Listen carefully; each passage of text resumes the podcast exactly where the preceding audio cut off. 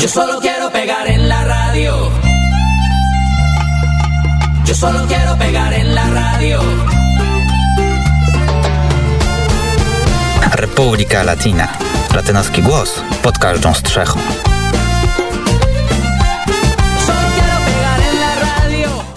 No i my teraz ten latynoski głos. Witamy pod strzechą Radia Wnet. Zbyszek Dąbrowski, gospodarz studia Republika Latina w Radiu Wnet. Dzień dobry. Dzień dobry, muy buenas tardes. Muy buenas tardes. E, No dzisiaj się przeniesiemy nie tylko do Ameryki Południowej, przeniesiemy się w ogóle do Ameryki Łacińskiej, ale przeniesiemy się również do Europy i przeniesiemy się nawet do Iranu. E, A dlaczego do Iranu? Bo jak pamiętasz, e, swego czasu opowiadałem o szczepionce kubańskiej o nazwie Suweren 02, e, którą to na, mogli być, zostać zaszczepieni wszyscy turyści, którzy przybędą do, na tę piękną wyspę. Okazuje się jednak, że najpierw e, szczepionka musi jeszcze wejść w fazę badań, no i właśnie w Iranie podobno znaleziono 24 tysiące ochotników, którzy, e, którzy mają służyć jako, e, nazwijmy to mówiąc brzydko, króliki doświadczalne.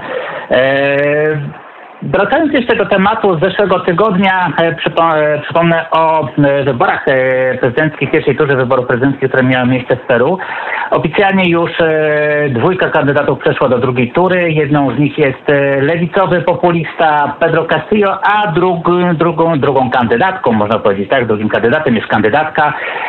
Tym razem prawicowa populistka Keiko Fujimori. Póki co pierwsze sondaże wskazują na to, że Na Pedro Castillo chce oddać e, głos. 42% osób, e, na Keiko 31%, z tym, że od razu tutaj trzeba powiedzieć, że Keiko Fujimori ma dużo, dużo bardziej e, negatywny e, elektorat, e, mimo tego, że e, Mario Vargas Llosa, najsłynniejszy e, pisarz e, peruwiański, jeden z e, laureatów Nagrody Nobla, e, latynoskich lata- e, laureatów Nagrody Nobla, e, powiedział, że swój głos odda właśnie na Keiko.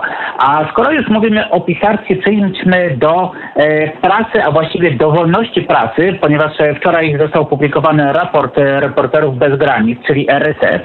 E, I według tego raportu Ameryka Łacińska była tym kontynentem, na którym wolność prasy została najbardziej zdegradowana m, no w zasadzie w tym roku. Szczególnie e, sytuacja pogorszyła się w Brazylii i w Salwadorze.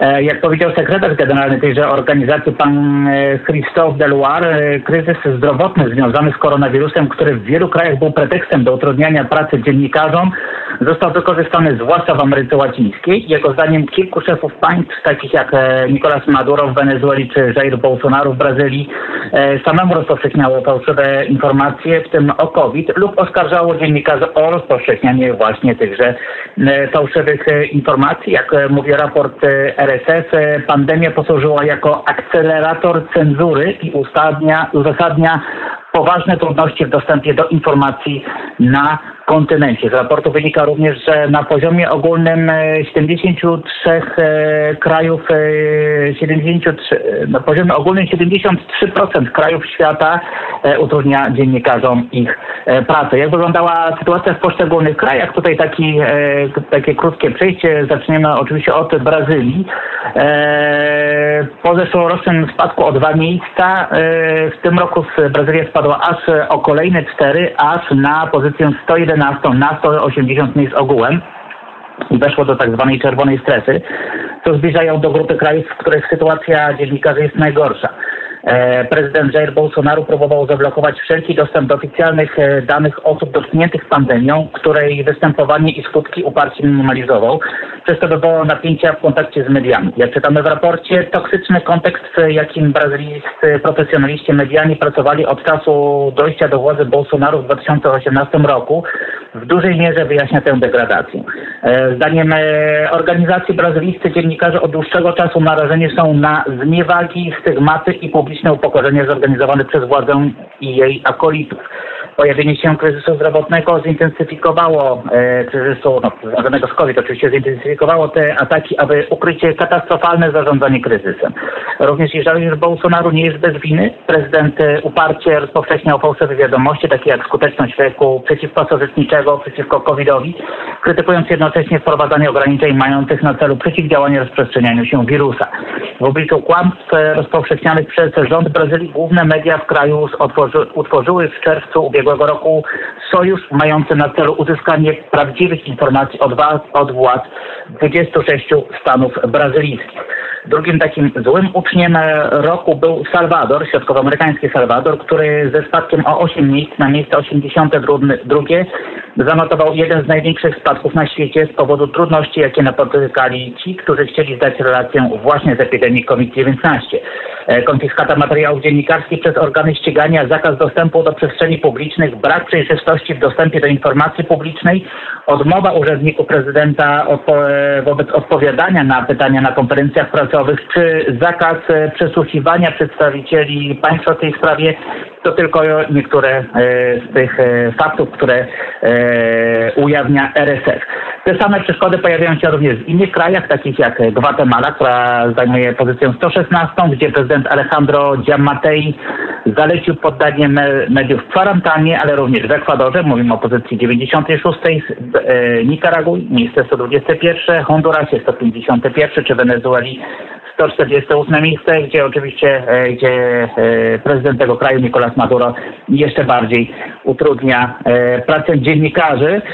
Warto również wspomnieć o Meksyku, który zajmuje miejsce 143, który nadal jest uważany za jeden z głównych cmentarzy dziennikarzy na świecie. Tak się mówi o tym brzydko, ponieważ no, generalnie sytuacja mm, pracy dziennikarzy w tym kraju jest nie do pozazdroszczenia. Dziennikarze bardzo często stają się po prostu ofiarami śmiertelnymi.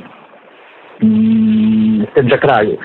I prezydent Meksyku Andrés Manuel López Obrador nadal piętnuje dziennikarzy podczas swoich porannych konferencji prasowych, gdy publikują oni informacje sprzeczne z jego poglądami.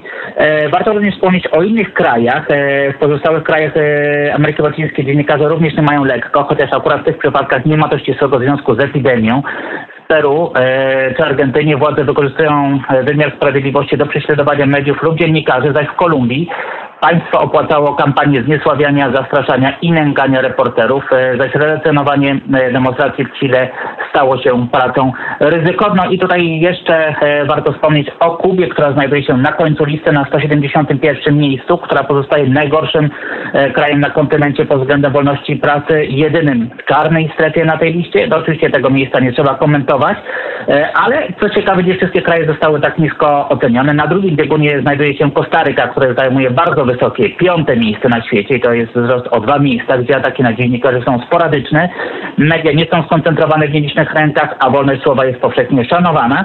E, natomiast miejsca wyższe od Polski, tutaj powiem tak, że Polska zajęła 64. miejsce, jest to spadek, e, kolejny spadek o dwa miejsca. E, miejsca wyższe od Polski zajmują ponadto Urugwaj, Republika Dominikany, Belize oraz e, wspomniane wcześniej Chile. Mówiąc o e, ogólnie Ameryce Łacińskiej, warto również wspomnieć o szczycie iberoamerykańskim, który ma miejsce w Andorze, w Pirenejach, e, który rozpoczyna się dzisiaj. Jest to 28. szczyt przywódców państw iberoamerykańskich. E, który przez obecną sytuację związaną z pandemią oczywiście jest dosyć nietypowy. Po raz pierwszy bowiem odbywa się on w Pirenejskiej Andorze i po raz pierwszy e, również większość przywódców w nim uczestniczących e, weźmie udział w nim w formie online. Fizycznie pojawić się mają jedynie przywódcy Andory, Hiszpanii, Portugalii oraz Gwatemali, poprzedniego organizatora szczytu i Republiki Dominikany, gospodarza kolejnego szczytu. Jednym z głównych zagadnień szczytu będzie oczywiście wspólna walka z epidemią koronawirusa, koronawirusa przywódcy mają priorytetowo uzgodnić wspólne stanowiska w obliczu pandemii, która po raz kolejny uderza w Amerykę Łacińską. E, jest to drugi poza Europą e, najbardziej dotknięty wirusem region e, na świecie. Uważa się tutaj, że z powodu choroby zmarło prawie 900 tysięcy mm, osób. W Ameryce Łacińskiej szczepienia postępują bardzo powoli, z wyjątkiem Chile, które już podało pełną kurację szczepionki prawie 36% swojej e, populacji docelowej. Natomiast tutaj też trzeba odnotować o smutnych rekordach e, w liczbie codziennych zgonów. E, rejestrowane są one m.in. w Kolumbii, Peru i Chile. Natomiast w krajach takich jak Argentyna czy Urugwaj nowe dzienne rekordy padają w liczbie osób zarażonych. I jak przyznała sekretarz generalna szczytu pani Rebecca Greenspan, E, Szczyt ma na celu stanowcze wezwanie do powszechnego dostępu do szczepień jako globalnego dobra publicznego oraz wzmocnienie mechanizmu COVAX, który ma na celu sprawiedliwą dystrybucję szczepionek na terenie Ameryki Łacińskiej. E, Premier Hiszpanii Pedro Sanchez z kolei obiecał przekazanie sporej ilości szczepionek właśnie e, do krajów tego regionu. E, I wracając jeszcze do sekretarz Greenspan, e, kryzys związany z epidemią znalazł swoje odbicie również w latynoamerykańskiej gospodarce, której PKB skurczyło się o 7% w ubiegłym roku, co oznacza cofnięcie się PKB na mieszkańca do czasów sprzed 10 lat, wskaźników do ubóstwa o 15 lat, zaś wskaźni- wskaźników skrajnego ubóstwa o 30 lat. Szczyt ma również na celu e, przywołanie średnio i długoterminowych rozwiązań, takich jak e, finansowanie krajów o średnich dochodach. E, w tym sensie wspierane będzie zwiększenie ilości specjalnych praw ciągnienia, czyli waluty tzw.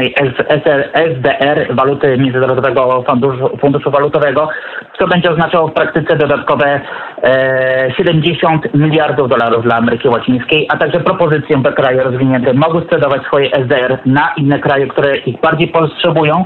Jednym z takich krajów jest Argentyna, e, która ze skumulowanym wynikiem e, prawie 43% e, skumulowanym wynikiem inflacji. E, kraj ten należy do państw o najwyższej inflacji na świecie. E, w Ameryce Łacińskiej w zasadzie przewyższają jedynie e, hiperinflacja w Wenezueli. Jak zresztą twierdzą tutaj sami Ar- e, Argentyńczycy, trudno wyjaśnić, dlaczego Argentynie nie udało się pokonać inflacji, zwłaszcza, że e, prowadziła e, politykę wszelkiego rodzaju i, orto, i ortodoksyjną, i bardziej heterodoksyjną, i plany skupiające się bardziej na, skupa, na stopach procentowych, i plany skupiające się na kontroli e, cen i żaden z nich nie działa, nie zadziałał. E, Inflacja cen żywności w Argentynie wyniosła w pierwszym kwartale tego roku prawie 14% E, i to pomimo e, wzrostu, również e, wzrostu cen na e, światowych rynkach, co z jednej strony jest korzystne dla Argentyny, bowiem e, eksport żywności jest główną e, gałęzią eksportu e, z tego kraju, natomiast z drugiej strony niekorzystne, bowiem również ceny żywności w tymże kraju rosną. Mamy oczywiście też e, e, wzrost podatków, mamy wzrost, e, który również się e, e, przekłada na wzrost cen i wzrost również cen innych produktów. O Argentynie będziemy jeszcze mówili. I na sam koniec nowe nietestowe metody transportu narkotyków. Otóż, drodzy Państwo, gdyby kiedyś Wam przyszło do głowy, jak w ciekawy sposób przetransportować narkotyki, na przykład do jakichś znajomych, których macie zdarzyło się w więzieniu, e, takim można e, mm, użyć nietypowego e, środka przenoszenia. Taki przykład e, pochodzi z Panamy, w której w ubiegły piątek Panam, e, policja dokonała nietypowego zatrzymania, bowiem aresztowany został kot, który próbował dostać się do panamskiego więzienia z narkotykami e, zawiniętymi wokół jego ciała. Ów czterołapny przemytnik został zatrzymany przez strażników jednostki policji przed więzieniem Nueva Esperanza w karaibskiej prowincji Colon, około 80 km na północ od miasta Panama, czyli stolicy kraju. Jak powiedział prokurator do spraw narkotykowych, e, narkotyków w prowincji Colon i pan Eduardo Rodriguez, ko- prawdopodobnie transportował kokainę, krak i marihuanę. W więzieniach panamskich władze e, odkryły pomysłowe sposoby transportu narkotyków za pomocą gołębi, dronów i tym razem e, i tym razem właśnie kota. Panamska prokuratura stwierdziła po schwytaniu kota, że wszczęto dochodzenie w sprawie wykorzystywania zwierząt do tego przestępstwa w zakładzie karnym Nueva Esperanza. E, Zaś urzędnicy dodali również, że pechowy przemytnik trafił do ośrodka adopcyjnego. Kot podobno został przechwycony w drodze do ogrodzenia więzienia, w którym przebywa ponad 1700 osadzonych. E, Jak e, powiedział dyrektor generalski, e, generalny panamskiego e, systemu więziennego Andres Gutierrez, zwierzę miało zawiniętą szmatkę na szyi, w której znajdowały się dwie owiki z materią roślinną, cztery opakowanie wyłożone przezroczystym białym proszkiem plastikowym i jeden z liśćmi, jak twierdzą władze, zwierzęta są dokarmiane przez więźniów, aby zmusić je do powrotu do więzienia z nielegalnymi substancjami. No cóż, to pozostaje mieć tylko nadzieję, że ten kotek bardzo szybko znajdzie sobie dom zastępczy, a ja myślę, że to nie będzie dom tymczasowy, tylko dom stały, taki zwinny kot. Zbyszek Dąbrowski, gospodarz studia Ameryka, Ameryka, Republika Latina, przepraszam, już Ameryka Latina, Republika Latina w Radiu Wnet. Bardzo serdecznie dziękujemy. Również bardzo dziękuję. Wszystkiego dobrego.